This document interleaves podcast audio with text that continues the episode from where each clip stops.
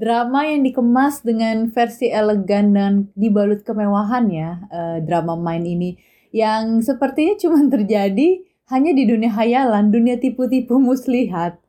Yang uh, tapi gue pengen sih tinggal di Kadenza, kayaknya seru gak sih pak? Uh, ya dengan melihat Kadenza di drama main ini ya, kita gimana ini rumah itu gede banget gitu bahkan gue pertama kali lihat tuh gue kebayanginnya langsung apa memang mungkin ini referensinya agak tua ya tapi Tomingse gitu. Yang rumahnya nggak masuk akal meskipun gue sempet komplain juga ke lu kan kenapa gue merasa di rumah sebesar itu? Karena kan ada dua sebenarnya rumahnya ya Kadenza dan Rubato. Rubato kan memang lebih kayak villa aja gitu sebenarnya. Tapi di rumah dan lingkungan segede itu tuh kayak kenapa uh, eh, ART-nya tuh dikit banget. Menurut gue tuh kayaknya nggak cukup gitu loh. Ngebayangin apa Kim Yuyon ngelapin tangga aja tuh kayak gue ini kelarnya berapa jam? Ini cuma ngelapin tangga. Dia dia ngelapin kaca segede gitu ya gue bingung kayak gila ini mau beresin atau bersihin kaca nih mau berapa kelar berapa hari? Gitu gede banget kacanya. Dan yang paling gak masuk akal adalah mereka di dalam rumah itu sangat uh, fancy ya bajunya gitu. Kayak nah, kayak mau pesta tuh. pak, kayak mau pesta kondangan gitu dengan dibalut sama high heels yang super lancip. Yang gue rasa kayaknya gue nggak sanggup deh jalan antara Kadenza Rubato balik lagi nah, pakai high heels itu juga seruncing itu. Kenapa? setiap saat di rumah lu kerja nggak kerja, lagi nganggur juga semuanya tuh harus pakai dress, harus pakai jas, kemeja dan harus pakai pakaian bagus gitu. Dan untuk terutama untuk para wanita-wanita di rumah ini ya, di rumah besar si Sultan Maha Sultan inilah pokoknya. Itu tuh kenapa kayak nggak kenal yang namanya sendal gitu loh. Padahal kalau lu lihat ya cowok-cowok itu masuk ke rumah tuh kadang ada yang beberapa udah ganti gitu loh sendal rumah. Udah nggak pakai sepatu pantofelnya mereka. Tapi si cewek-cewek ini mau di mana pun di rumah itu tuh selalu pakai heels. Kenapa nggak ganti sendal juga gitu? Itu sih pertanyaan gua. Work from home aja nggak serapi itu ya kita ya selama mm-hmm. ppkm darurat ini berlangsung. Dan saking luasnya mereka ada mobil golf sendiri yang gua nggak bayangin kita mungkin bisa pesen gojek kali ya ke Rubato dong. Iya bahkan kayaknya gojeknya nggak bisa masuk ke dalam gitu kan Gojek tuh cuma sampai depan tuh abis itu dibawain sama si mobil golf itu, si Song Tae itu kan yang ngendarain ke sana kemari meskipun di beberapa momen gue merasa mobil ini jalannya lambat banget ya, tapi mungkin mungkin memang untuk ngabisin skenario juga gitu kan. Kalau jalannya terlalu kenceng udah nyampe eh belum kelar ngobrolnya.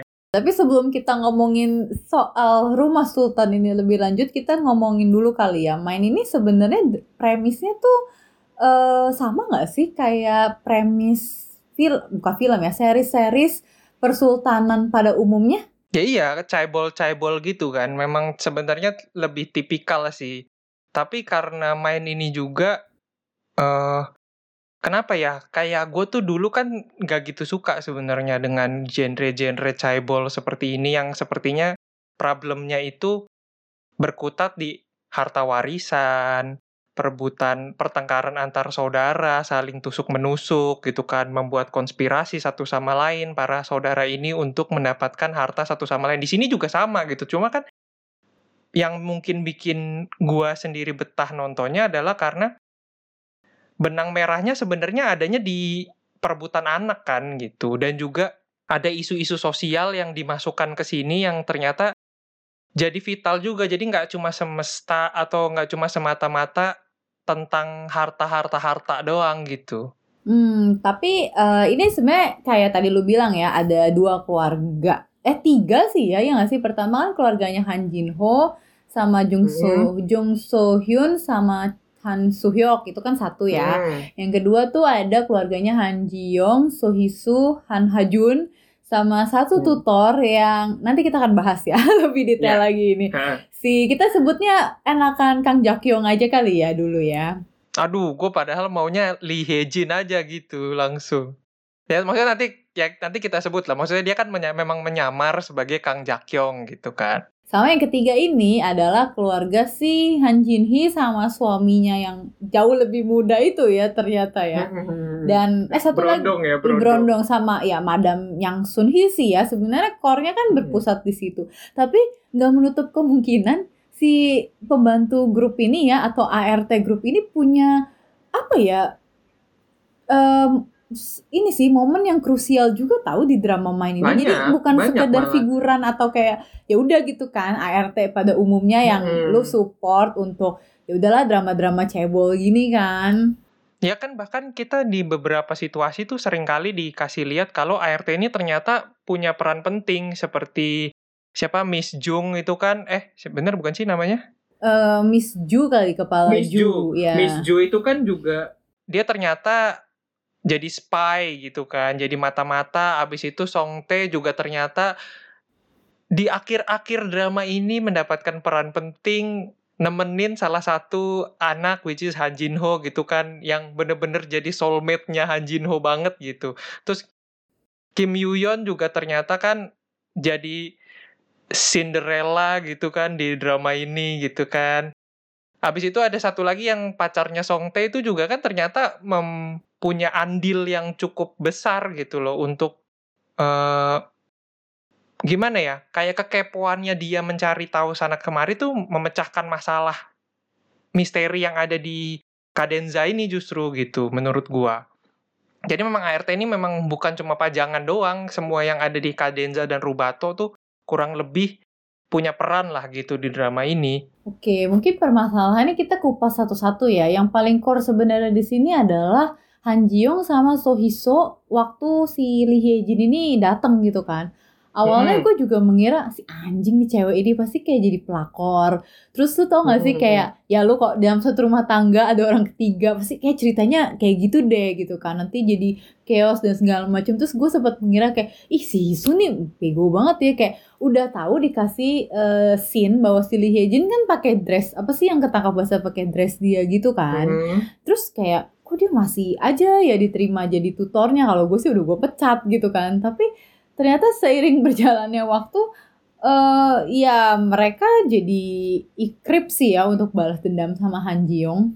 Tapi sebelum ke soal mereka jadi ikrip dulu, kan gue sempet ngomong sama lu ya. Gue tuh kesel banget sama karakter Lee Hye Jin ini gitu. Bukan bukan karena karakternya, bukan karena karakter dia sebagai Kang Jakyong atau sebagai Lee Hye Jin, tapi lebih kepada fashion dan dandanannya dia selama menjadi tutornya Hajun gitu. Karena kalau kita lihat, dia datang tuh kan sebagai tutor ya. Maksudnya sebagai pegawai, karyawan, tapi kelihatan sekali fashion dan dandanannya dia selama jadi tutornya Hajun itu dipaksakan berusaha untuk setara sama Hisu dan Sohyun gitu loh selama di drama ini. Cara rambutnya ditata, pakaiannya juga dress-dressnya yang menurut gua ini bukan dress untuk tutor gitu. Mobilnya juga selevel gitu. Itu sih yang gue bingung kenapa harus dipaksakan orang ini apalagi terutama di awal itu kita selalu dikasih tahu kalau keluarga ini itu adalah keluarga yang berada di level yang berbeda sama orang kebanyakan gitu loh. Keluarga ini tuh ada di different world gitu, di dunia yang berbeda sama sekali. Tapi begitu Hejin masuk, kok mereka langsung bisa nyama-nyamain statusnya dia sama keluarga ini seakan-akan gitu, secara penampilan gitu. Itu yang bikin gua nggak suka. Padahal lu ngomong secara kasta lu udah beda gitu sama orang kebanyakan. Tapi Lee Hye-jin ini kenapa bisa kelihatan satu kasta sama lu gitu loh. Setiap kali confrontation tuh kelihatan satu level gitu. Maksudnya ini kan orang juga kita nggak tahu kerjaannya apa, punya harta berapa banyak juga kita nggak tahu gitu. Makanya pada saat udah mulai ke belakang, yang rambutnya udah mulai dikuncir, udah mulai pakainya juga udah mulai agak casual gitu, gue udah mulai nyaman ngelihat si karakter Lee Hye-jin ini. Jadi di awal itu ternyata memang gue nggak bisa terima aja gitu loh. Datang sebagai tutor, tapi lu langsung vibes-nya tuh satu level sama majikan lu gitu. Ya, untuk poin ini gue setuju sama lu karena gue juga misalnya gue ada di posisi eh, kita rekrut someone gitu ya, terus kayak kok apa lu masa nggak curiga sih lifestyle dia so fancy gitu nggak sih? So Iya. high high class banget bener kata lu. Dan udah gitu selain fashionnya juga, attitude-nya tuh kayak apa ya? Eh, di awal-awal kan kayak merasa dia juga tinggi gitu kan, setara. Mm-mm. Jadi maksud gue kok lu nggak pernah merasa hisu ya terutama kok lu nggak merasa curiga atau lu nggak merasa ini tuh apa gitu loh background checknya walaupun memang udah ada sih ya kan dari si Sohyun tapi menurut gue ya dia harusnya cek lebih detail lagi soal orang ini. Karena itu nggak make sense sama sekali sih di bagian awal-awal gitu kan. Kalau gue sih bisa mengerti maksudnya kenapa Hisu akhirnya nggak ngecek maksudnya nih orang siapa sih gitu. Karena sebesar itulah percaya kepercayaan Hisu terhadap Sohyun gitu. Karena kan ini sebenarnya yang rekrut tuh Sohyun gitu kan. Jadi Hisu pun tahu gitu loh Sohyun di sini adalah kepala keluarga di sini di Kadenza gitu. Di saat si siapa uh, chairman Han-nya itu kan lagi sakit gitu kan kepala keluarga jatuh ke tangan Sohyun gitu. Jadi semua yang ngontrol dia dan Hisu pun tahu gitu. Kalau Sohyun tuh nggak bakal membiarkan orang sembarangan masuk ke dalam. Jadi background checknya Sohyun tuh pasti justru jauh lebih ketat daripada Hisu gitu.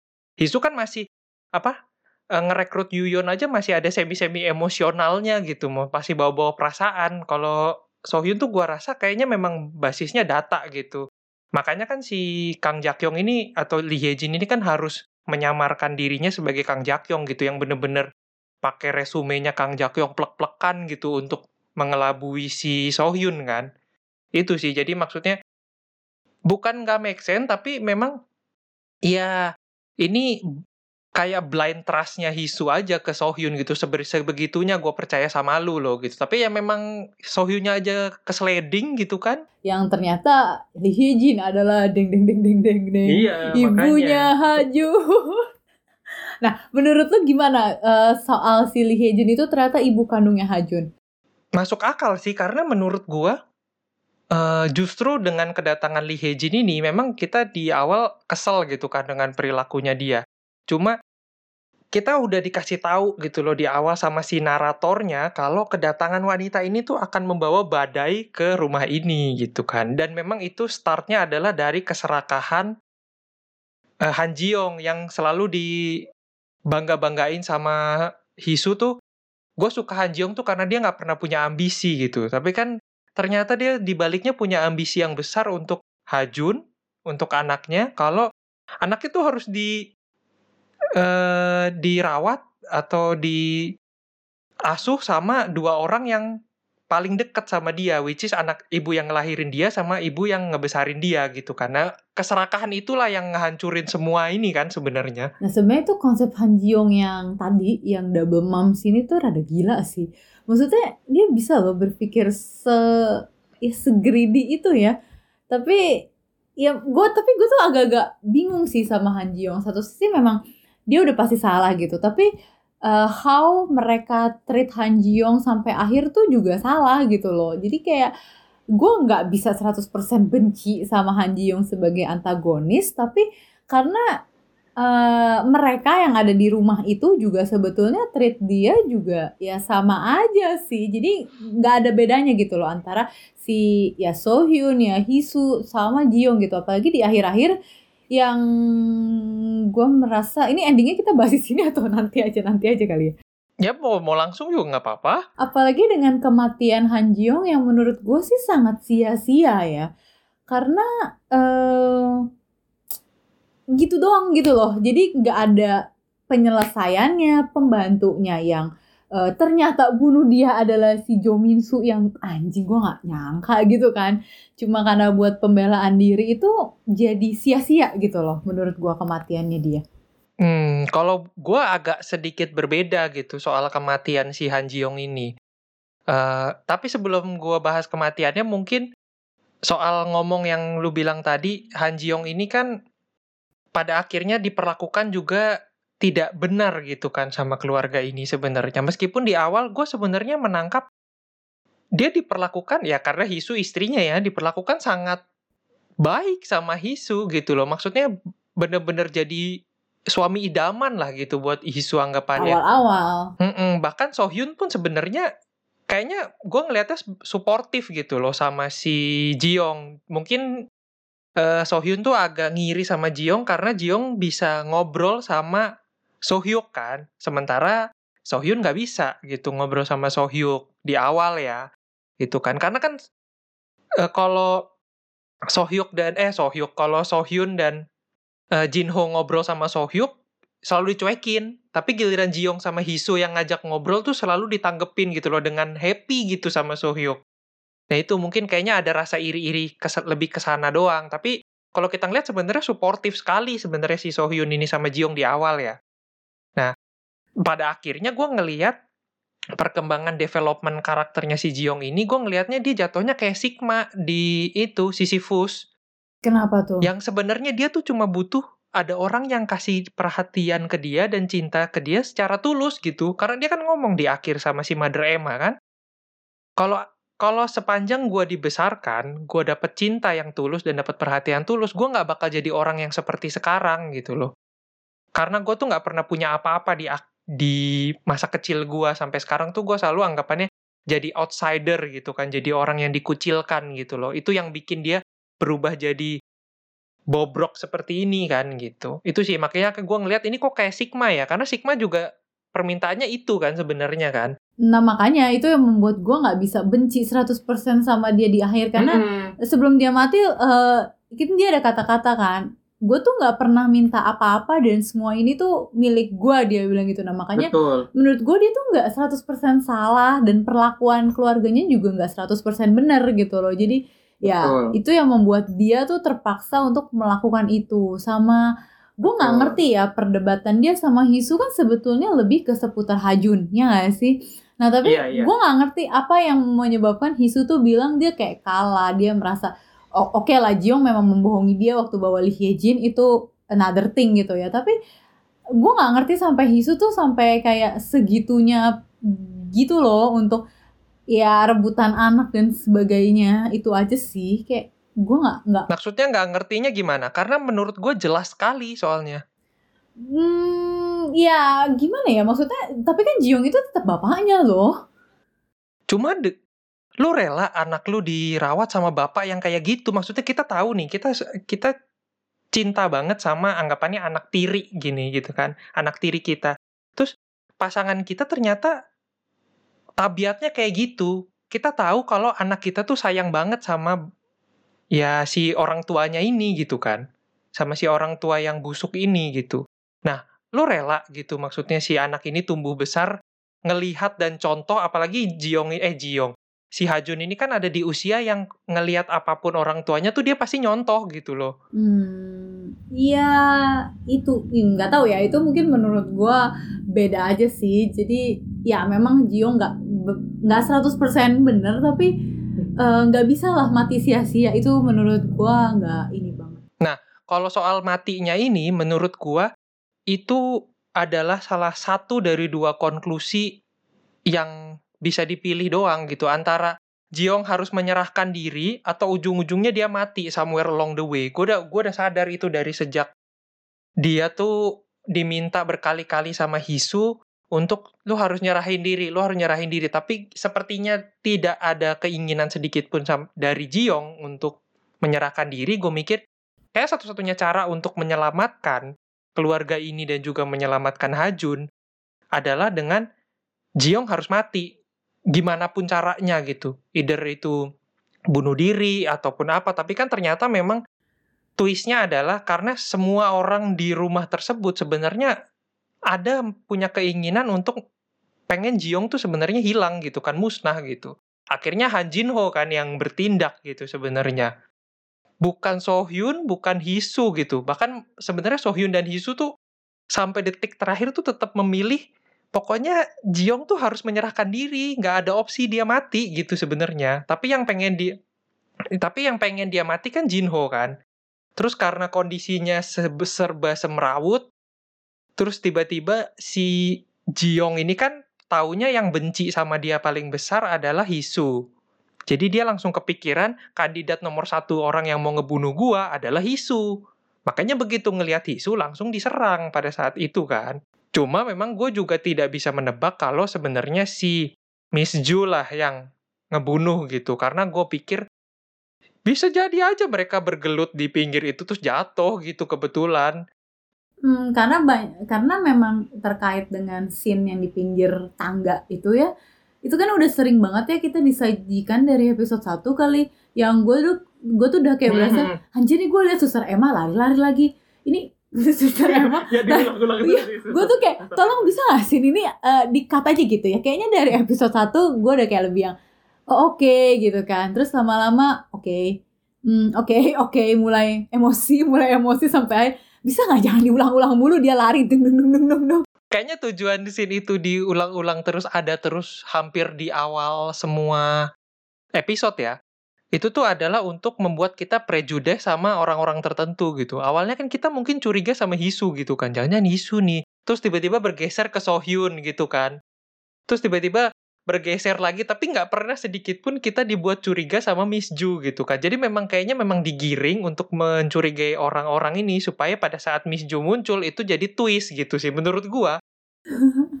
ya tapi kayak ini kayak nggak perlu sampai sebanyak itu. Iya, uh, iya, adegan suster agak... Emma lari-lari tergopo-gopo gitu loh sambil iya, kayak iya, agak overuse ya. Itu agak over banget menurut gua sebagai audiens cuman iya, ya. ya memang sih gua juga merasa uh, agak kebanyakan dipakein ya gitu. Ya walaupun memang suster Emma adalah suster biara atau biarawati yang sangat fancy ya tasnya ya. Tapi kan kalau suster e, uh, si Mother Emma ini ngomongnya uh, sebenarnya tas itu kan hadiah gitu sejak lama dan feeling gua itu tuh hadiah dari si Chairman Han. Oh, kalau gua kepikirannya pada saat dia masih jadi entertainer uh, gitu. Gue malah tadinya kepikiran itu hadiah dari mamanya Jiyoung yang bestisnya dia. Nah, bisa jadi juga. Pokoknya antara dua itu. Pokoknya itu adalah hadiah yang dia dapat pada saat dia masih jadi entertainer gitulah. Kayaknya lebih ke sana gitu kayaknya. So, tapi memang scene Mother Emma lari-lari lama-lama kita kasihan gitu. Mother Emma ini nggak capek apa disuruh lari terus suruh ngos-ngosan setiap episode gitu. Dia lebih ke kesel ya daripada kasihan. Nah, uh, tapi lu pernah nggak seuzon sama si Mother Emma gitu? Pernah nggak terlintas rasa itu? Kalau gue sih kadang-kadang pernah, tapi ternyata tidak terbukti juga ya di ending kalau dia tuh uh, melakukan something yang apa gitu ke Hyowon Group. Mother Emma enggak sih, nggak pernah gue sedikit pun gue percaya 100% sama Mother Emma gitu. Karena nggak tahu ya uh, dia tuh nggak pernah terlihat mau ikut campur dengan urusan yang tidak datang ke dia gitu. Kecuali lu datengin dia untuk curhat untuk konseling gitu dia nggak akan ikut campur gitu loh. Bahkan kan terakhir aja dia uh, ikut campur itu ya karena permintaan Hisu gitu kan. Karena desakan Hisu maksudnya Mother Emma silakan pilih lu mau membiarkan Jiong jadi pembunuh dan mem, uh, sampai dia mati dia akan jadi kriminal atau lu mau ngebujuk dia untuk nyerahin diri gitu. Itu kan dia uh, baru bertindak setelah diminta sama Hisu. Kalau nggak mah dia diem-diem baik kayaknya menurut gue mau sampai akhir. Oh, jadi memang keterlibatan dia pure karena ya member keluarga Hyowon tuh konsult sama dia sih ya. Mm-mm. Tapi ya itu juga sih yang gue bingung. Kenapa sih keluarga kaya raya ini yang mengandalkan sosok tunggal Mother Emma gitu loh? Kenapa harus cuma Mother Emma doang gitu? Kayak nggak nggak punya hal orang lain gitu. Kayak semuanya Mother Emma ya. Mungkin Mother Emma dekat sama Hisu gitu kan. Dan juga dekat dengan Chairman Han. Cuma ya nggak usah semuanya juga ke Mother Emma dong. Ya iya sih memang. Dan dia juga kan bukan psikolog anyway kan. Cuman kayak ya biarawati aja yang bisa kasih konsultasinya tuh uh, berdasarkan Alkitab, berdasarkan firman-firman Tuhan gitu kan. Iya, makanya cuma gitu doang akhirnya. Kayak faedahnya Mother Emma nih, gue cuma kasihan aja sih kayak Mother Emma nih kalau sebenarnya cuma ngurusin Hisu doang kayaknya bebannya tuh nggak seberat ini gitu karena dia udah mulai ngurusin Sohyun, habis itu ngurusin Jinhee, ternyata dia juga mesti ngurusin problemnya Jiong gitu kan. Terus akhirnya dia juga ngurusin Hyejin. Yang itu tuh sih menurut gue kayak kenapa semuanya harus ke Mother Emma gitu loh. Maksudnya kan si orang-orang ini juga udah tahu gitu loh kalau Mother Emma ini pasti uh, punya maksudnya di, dia juga dekat dengan anggota keluarga yang lain gitu kan. Emang dia meskipun dia suster orang-orang kaya ini kan sultan-sultan ini kan suka ini ya, suka parno ya biasanya rahasia-rahasia dia tuh bocor ke mana-mana gitu. Cuma kayak kayaknya nggak ada yang pernah khawatir gitu loh kalau Mother Emma tuh akan membocorkan rahasia mereka someday misalkan ke Hisu atau ke mana gitu. Bener bener bener. Nah kalau kita udah selesai ngomongin si satu keluarga ini, uh, kita beralih ke Jung So Hyun kali ya sama Han Jin Ho. Jung So Hyun ini cukup jadi karakter favorit sih buat gue. Nggak tahu ya, gue suka aja sama karismanya dia. Dan tapi lo bingung kan, lo punya teori-teori lain soal Jung So Hyun? Uh, teori gue terjawab sih pada akhirnya di akhir. Maksudnya semua yang pada saat di episode-episode awal gue sempat bilang ke lu kayaknya kenapa ya Jung So, Jung So Hyun tuh development karakternya harus seperti ini gitu kan. Tapi ternyata semua teori gue itu di akhir bener-bener dikasih gitu loh jawaban semua pertanyaan-pertanyaan gue which is adalah di awal tuh gue merasa Jung So Hyun ini uh, bermasalah dengan seksual identitinya dia, which is dia lesbian gitu kan. Tapi karena dia terlahir sebagai aristokrat gitu, sebagai orang terpandang, dia nggak mungkin dong nunjukin kalau dirinya dia itu lesbian gitu. Akhirnya dia harus uh, menggunakan uh, jalan keluar kawin kontrak lah ya, anggapannya sama si jaksa jin ya. Oh, bukan jaksa jin yang udah sekarang kayaknya udah nggak jadi jaksa, tapi mainan lotre aja tiap hari. Yang langsung runtuh kredibilitas dan ini ya uh, iya, karismanya langsung, dia langsung males gitu. langsung males gue juga lihat oke lanjut. Si Jong Soo Jong So Hyun ini kan semenjak jatuh sakitnya Chairman Han di kadenza itu terlihat sangat untouchable. Dia invincible banget nih di rumah ini karena dia the head of the household kan maksudnya kepala keluarga gitu kan tapi yang gue bingung adalah dia sudah tahu nggak enaknya hidup menjadi seperti dirinya dia, menjadi seperti uh, kayak his enggak hisu dia udah bilang hisu itu adalah exception ya, maksudnya pengecualian dari peraturan peraturan-peraturan di rumah sultan ini gitu. Cuma kan dia udah merasakan nggak enaknya hidup sebagai dirinya dia gitu loh. Maksudnya harus ngikutin aturan, nggak bisa bebas, kaku, terus ditutupin sama tembok-tembok segala macem gitu. Tapi untuk Sohyuk dia nggak pernah sedikit pun berusaha untuk merubah uh, kayak ngerubah rules atau ngerubah sejarah yang udah pernah terjadi atau tradisi yang udah ada di rumah ini selama bertahun-tahun mungkin bergenerasi-generasi gitu. Di awal dia tuh keras banget sama Sohyuk dan kaku banget gitu loh. Yang bener-bener tak tak tak tak. Padahal kalau kita ngeliat sebenarnya Chairman Han juga santuy-santuy aja sama aturan ini gitu loh. Ya kan? begitu bangun dia langsung santuy banget gitu tidak ada perlawanan yang lebih mengelawan sih Madam Yang kan memang tapi si Sohyun ini yang semua orang juga dia ngomong apa juga denger gitu loh di rumah ini seperti tidak ada pergerakan seperti mau mengubah tradisi itu. Padahal kan lu udah tahu seberapa menderitanya hidup lu. Itu sih yang gue bingung maksudnya apalagi pas dia mulai mecat Yuyon terus uh, apa dia mulai keras sama Sohyuk yang akhirnya Sohyuk harus kabur dari rumah. Tapi ya akhirnya dijawab di belakang gitu. Ternyata kan uh, si Sohyun ini akhirnya lama-lama pendiriannya pun runtuh ya ketemu Susi terus ngobrol banyak sama Hisu dan juga problemnya dia gitu. Terus akhirnya dia juga berhasil dibujuk lah anggapannya atau diskusi lah sama si Sohyuk gitu kan. Itu yang bikin lama-lama pendiriannya dia tuh mulai uh, tenang, ah, mulai tenang, mulai lebih kalem, ya mulai dia mulai lebih lebih menggunakan perasaannya nggak cuma sekedar logika logika logika terus gitu. Nah itu yang uh, akhirnya gue pas nonton, nah gini dong harusnya gitu, gue sempet gitu tuh. Tapi ya dia memang logiknya sih orangnya di awal-awal, sehingga strategi-strategi dia sebenarnya agak lebay logiknya tapi strateginya tuh kayak mulus banget gak sih sehingga dia kayaknya salah satu karakter yang cukup powerful di main. Emang powerful sekali maksudnya justru dengan itu yang gue pertanyakan justru dengan kemampuan strategi lu yang sehebat itu dengan uh, cara lu memanage sesuatu yang seflawless itu kenapa lu nggak pemikir nggak bisa memikirkan sesuatu yang gimana cara gue bisa mengubah tradisi ini supaya semua orang everybody is happy gitu loh pada akhirnya kar karena kan seperti yang udah kita sepakati, dia nih powerful sekali, untouchable, invincible gitu kan. Tapi dengan kekuatannya seperti itu pun akhirnya harus kalah dengan tradisi, harus kalah dengan peraturan. Dia maksudnya mengungkung dirinya sendiri atau mengurung dirinya sendiri dengan tradisi-tradisi itu loh. Yang akhirnya di belakang pun dihancurin sama dia gitu kan. Tapi memang dia karena egonya tinggi gak sih? Makanya waktu awal-awal Ya sebelum bisa banyak jadi. open minded berdiskusi sama yang lain, dia kayak merasa ya ngik- lebih ngikutin ego aja sih sama logiknya dia sih kalau kata gue ya. Jadi dia ya udahlah ikutin aja Mm-mm. dulu gitu loh.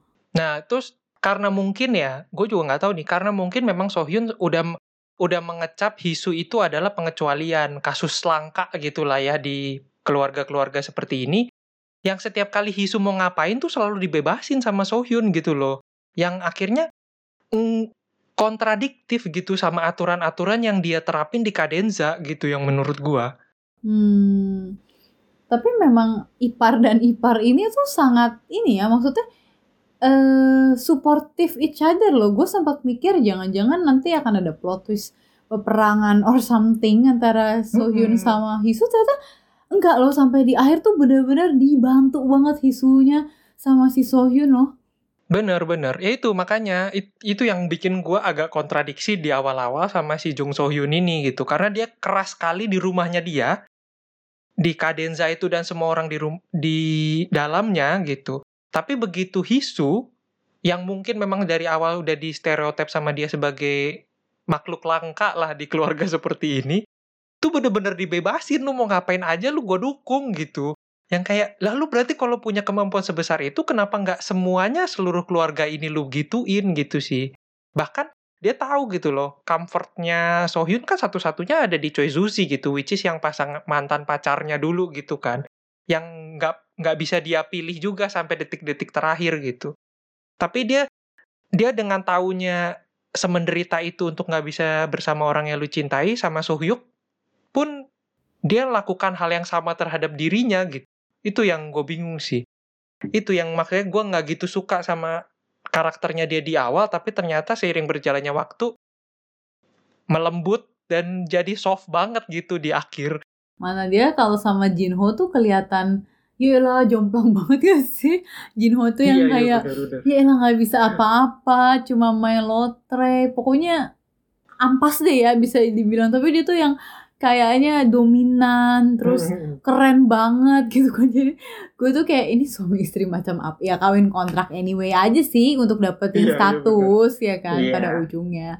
Nah akhirnya lu bisa menebak gak siapa karakter Meskipun Hah? apa menebak apa? Enggak, lu lanjut dulu deh. meskipun ini ya soal si Han Jin Ho itu eh pada akhirnya ya dia menemukan dengan kemampuan dia yang sedikit itu dia menemukan keahlian dia tuh di mana yaitu kan dia akhirnya memanage semua ART ART dan pegawai-pegawai di Kadenza dan Rubato kan.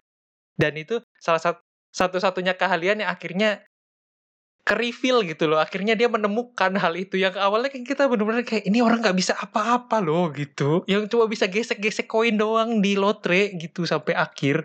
Terus juga perkembangan karakternya dia makin ke belakang juga makin lawak gitu bukan makin makin baik bukannya makin baik tapi semakin kayak ngelucu aja nih orang malah istrinya yang jelas-jelas le- lesbian tapi makin ke belakang dia yang kelihatan malah kelihatan kayak gay gitu Dan ini sih sampai keahlian dia untuk manage ART kan juga dipuji sama emaknya kan si madam yang kayak wah gila ternyata Mm-mm. lo bisa juga ya doing something kayak kayak yang kayak gini gitu kan si madam yang bilang kayak gitu. Nah akhirnya lo udah bisa nebak belum siapa karakter yang paling gue benci di drama Mine? karakter yang paling lu benci ya gue sih awalnya ber- berpikir sepertinya eh si Jinhee gitu kan tapi kayaknya tapi kayaknya bukan. Terus kalau lu juga sempat nge-reveal ke gue kalau bukan Hyejin gitu kan. Jadi feeling gue ya antara eh, Miss Ju atau Han Jin Ho gitu Enggak sih sebenarnya awalnya gue justru sebel banget sama Yuyeon tau. oh kenapa Karena menurut gue dia adalah perempuan yang tidak bisa membedakan antara fantasi atau impian dengan realita. Bisa-bisanya lu suka sama Sohyuk yang udah jauh benar gitu loh maksud gue. Tapi Nah tapi tetap kan dipaksa. gak, gak ini dulu deh nanti gue gue mau membela nih meskipun gue nggak nggak suka suka amat sama Yuyeon Dia jadi karakter yang paling gue sebel karena eh, udah ya udah jelas kita tahu lah Sohyuk itu kayak apa sih sultan muda ya di Kadenza kan.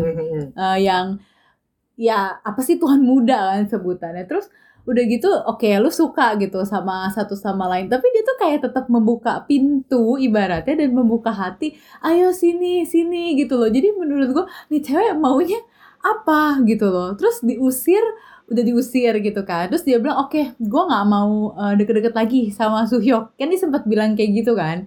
Tapi ujung-ujungnya terus uh, dateng terus udah gitu gue nggak ngerti nih cewek lu maunya apa sih? Gitu loh. Padahal uh, udah digituin sama keluarganya tapi lo tetap kayak ini aja pengen aja gitu. Jadi gue rada sebel karena dia tidak bisa berpikir pakai logik.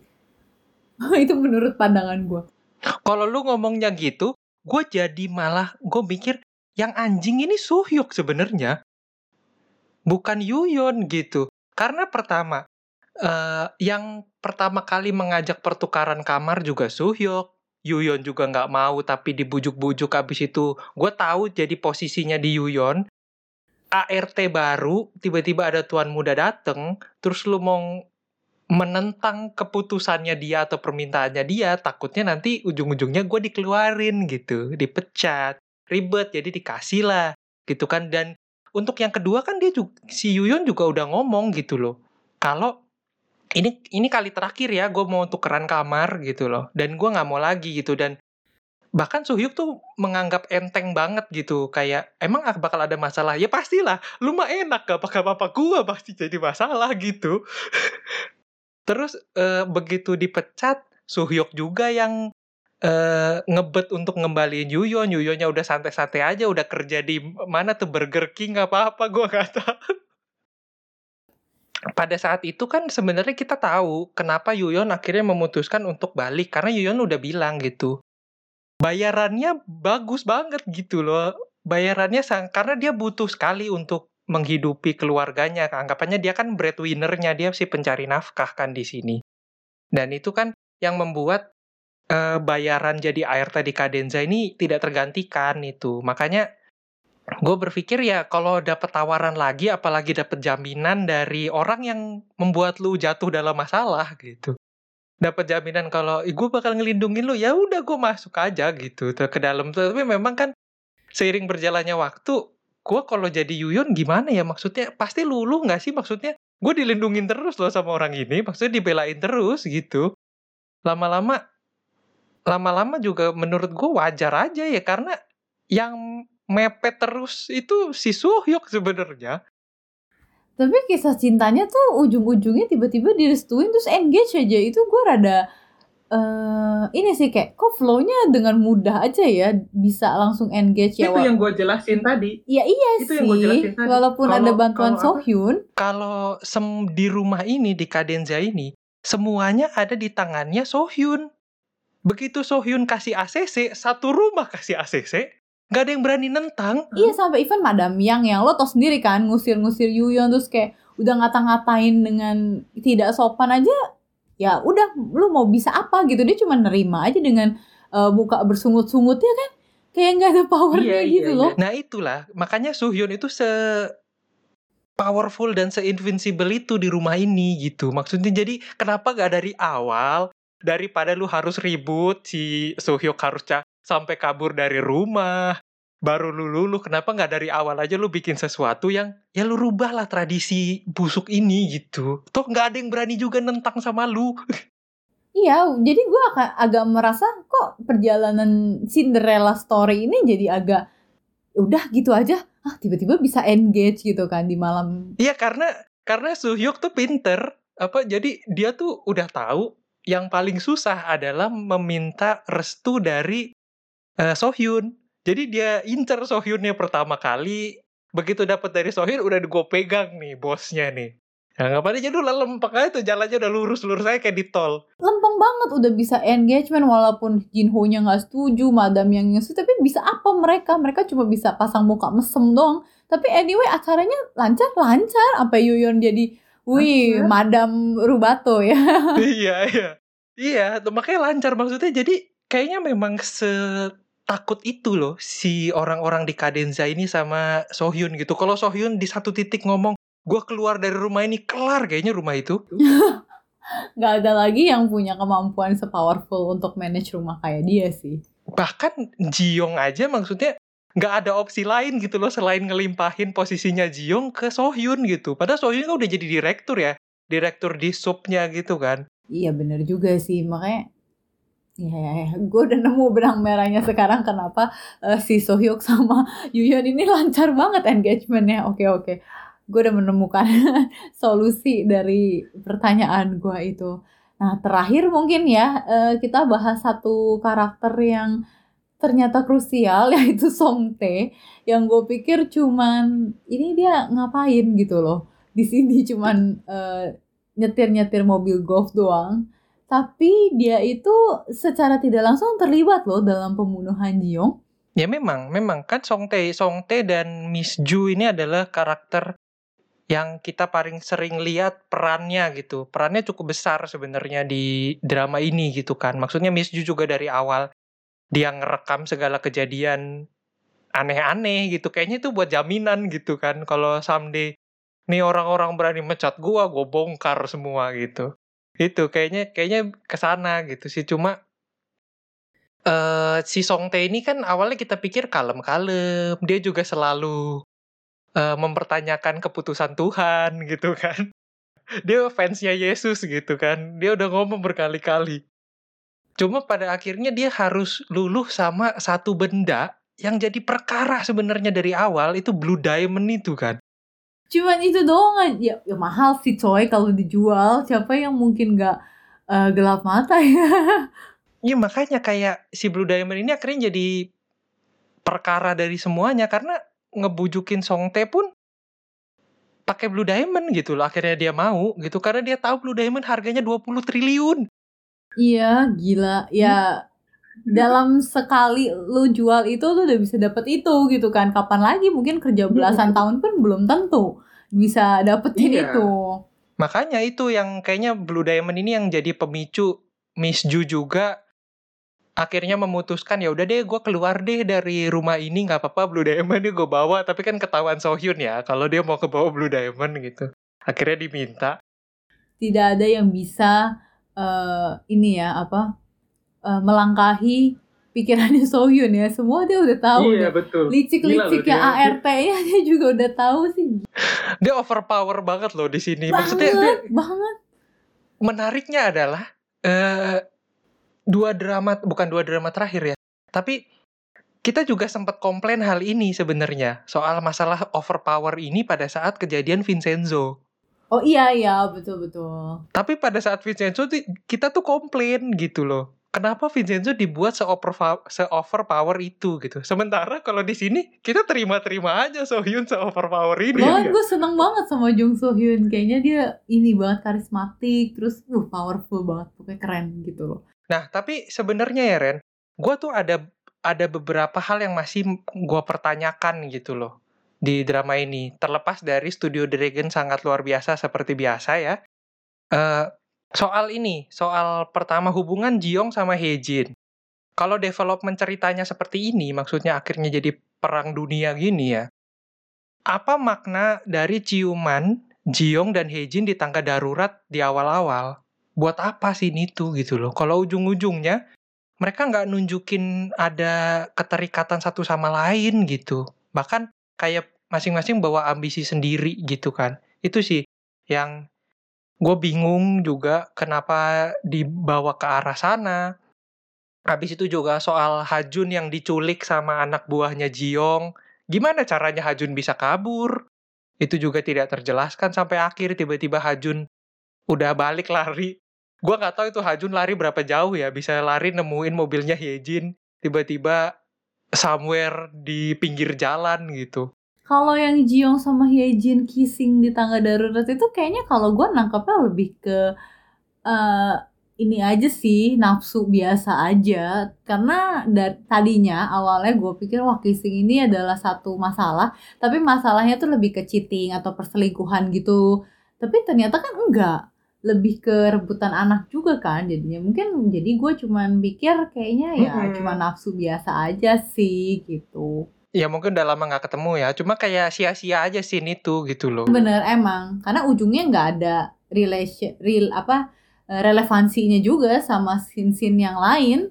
Cuma di drama main ini ya, eh, ngelihat kehidupan mereka yang seperti itu memang membuat kita kayak hidup kita tuh kayak remah-remah rengginang aja gitu kalau dibandingin sama mereka. Meskipun ya selalu di drama Korea kalau cebol-cebol gini kenapa selalu ditunjukkan kalau orang kaya pasangan suami istri yang sultan banget itu kenapa selalu digambarkan hubungannya tuh tidak pernah harmonis gitu loh. Itu yang gue pikir. Kenapa kenapa ya selalu begitu? Itu yang uh, gue belum sampai sekarang tuh belum pernah nemu jawabannya gitu. Terus soal apalagi yang menurut gua aneh-aneh di sini oh di sini polisi polisi di drama ini sangat berbeda jauh dengan di law school ya karena drama ini tuh bener-bener ngikutin peraturan plek-plekan gitu loh nggak punya bukti nggak ada satupun yang ditindak nggak ada satupun yang dituduh nggak ada satupun yang dicurigai dia harus punya bukti dulu which is sangat berbeda dengan law school gitu yang tidak sesuai dengan judulnya gitu kan yang orang nggak pakai bukti aja bisa dipenjara gitu. Yang baru dicurigai aja udah bisa masuk penjara lama banget gitu. Bahkan udah langsung dijadiin musuh masyarakat gitu. Yang di sini tuh ini bener-bener nggak terjadi. Berpikir kayak ini bener-bener polisinya jarang nih lihat polisi kayak gini. Kita biasa kan kebiasaan mungkin kebiasaan ngeliat polisi korup kali ya. Itu sih yang tapi kita belum bahas nodok loh dari tadi. yang tunggu, mungkin lebih ke polisi. Yang polisinya itu adalah partner Vincenzo ya. yang detektif Beck itu kan? Mana ya? Oh iya iya betul betul yang punya yang punya gemga kan? iya yang punya gemga, gue lupa namanya siapa, makanya gue bilangnya partner Vincenzo. Iya iya iya. Tapi benar kata ya, lu, makanya gue, iya, iya, itu. Iya, nah itu benar kata lu karena nggak ada bukti nggak bisa ditangkap, makanya gue bilang di awal kematian Jiong tuh jadi sia-sia banget. Udah gitu dong mati tanpa ada usutan ya. dan nggak adil aja sih menurut gue walaupun memang ya dia juga semasa hidupnya jahat tapi kan nggak gitu gitu loh caranya ngerti gak sih? Tapi ya gimana ya maksudnya? Uh, menurut gue ya uh, kematian Jiong itu akhirnya tertutup seperti itu karena kesalahpahaman di se seantero rumah sebenarnya. Iya bener, emang. Jadi jadi tidak ada yang tidak ada satupun yang berusaha menutup-nutupi kematian Jiong menurut gua. Cuma karena Sohyun salah paham mikir pembunuhnya adalah Hisu. Terus uh, terus uh, si Hisu juga tutup mulut pura-pura amnesia untuk melindungi Hajun. Akhirnya sedikit demi sedikit itu tuh menutup semua bukti-bukti dan semua segalanya gitu. Apalagi Jinho juga udah ngasih jaminan ke Songtae untuk kabur ke Monaco gitu kan. Itu tuh akhirnya uh, yang begitu semuanya sudah tertutup, buktinya semua udah hilang, tiba-tiba muncullah si Miss Ju ngaku kalau gua yang bunuh gitu. Ya, siapa yang mau ngebuka lagi orang udah capek-capek ditutup gitu kan. Itu sih, jadi kayaknya memang karena kesalahpahaman-kesalahpahaman ini, akhirnya pembunuhan Jiong tuh akhirnya nggak bisa dibuktikan gitu. Karena kalau sebenarnya udah jelas pembunuhnya siapa kayaknya menurut gue sih dibuka-buka aja kayaknya. Kalau udah ketahuan Miss Ju dari awal yang ngebunuh kayaknya mah Sohyun nggak sama si ini nggak bakal se uh, apa sekeras itu untuk menutupi kebenaran gitu sih Iya sih. Nah untungnya Hisu tuh cuma pura-pura amnesia alias acting. Karena kalau dia beneran amnesia, gue udah kayak, ih Indosiar banget ya nih cerita gitu lu jatuh dari tangga lu amnesia tapi lu gitu. menyangka gak sih sebenarnya di awal kalau Hisu itu pura-pura eh uh, enggak sih sebenarnya tapi kayak uh, dalam hati gue tuh kayak masa sih dia amnesia gitu sempet ada keraguan tapi gue nggak menyangka kalau dia acting sih gue udah mulai curiga dari sejak dia inget namanya salah satu ART itu siapa Kyung Hee ya atau Kyung Hee iya itu tuh gue udah mulai curiga kayaknya nggak mungkin deh dia bisa inget nama si Kyung Hee. Maksudnya dia kan uh, insignifikan person gitu loh di rumah ini sebenarnya. Gue udah mulai kecurigaan di situ, terus akhirnya lama-lama mulai muncul-muncul kan Hajun mau ditabrak truk, ya kan? Terus tiba-tiba dia inget Hajun tuh suka paling suka makanan apa gitu-gitu. Itu udah mulai oh ini mah kayaknya acting sih gitu dan dan benar ternyata acting gitu. Cuma kalau karena lu ngomong ini sinetron Indosiar ya, tapi sebenarnya kalau sinetron Indosiar atau sinetron Indonesia lah kebanyakan treatmentnya kayak gini gue sih kayaknya nonton sih oh iya ya kalau treatment kayak gini nonton enggak tadinya kan gue pikir kalau amnesianya beneran amnesia itu akan jadi nggak make sense gitu loh. Cuman kan ternyata dia turns out acting, jadinya ya oke okay, masih masih in on track gitu loh, masih di jalur yang tidak terjerumus ke lembah hitam ya dramanya gitu atau seriesnya.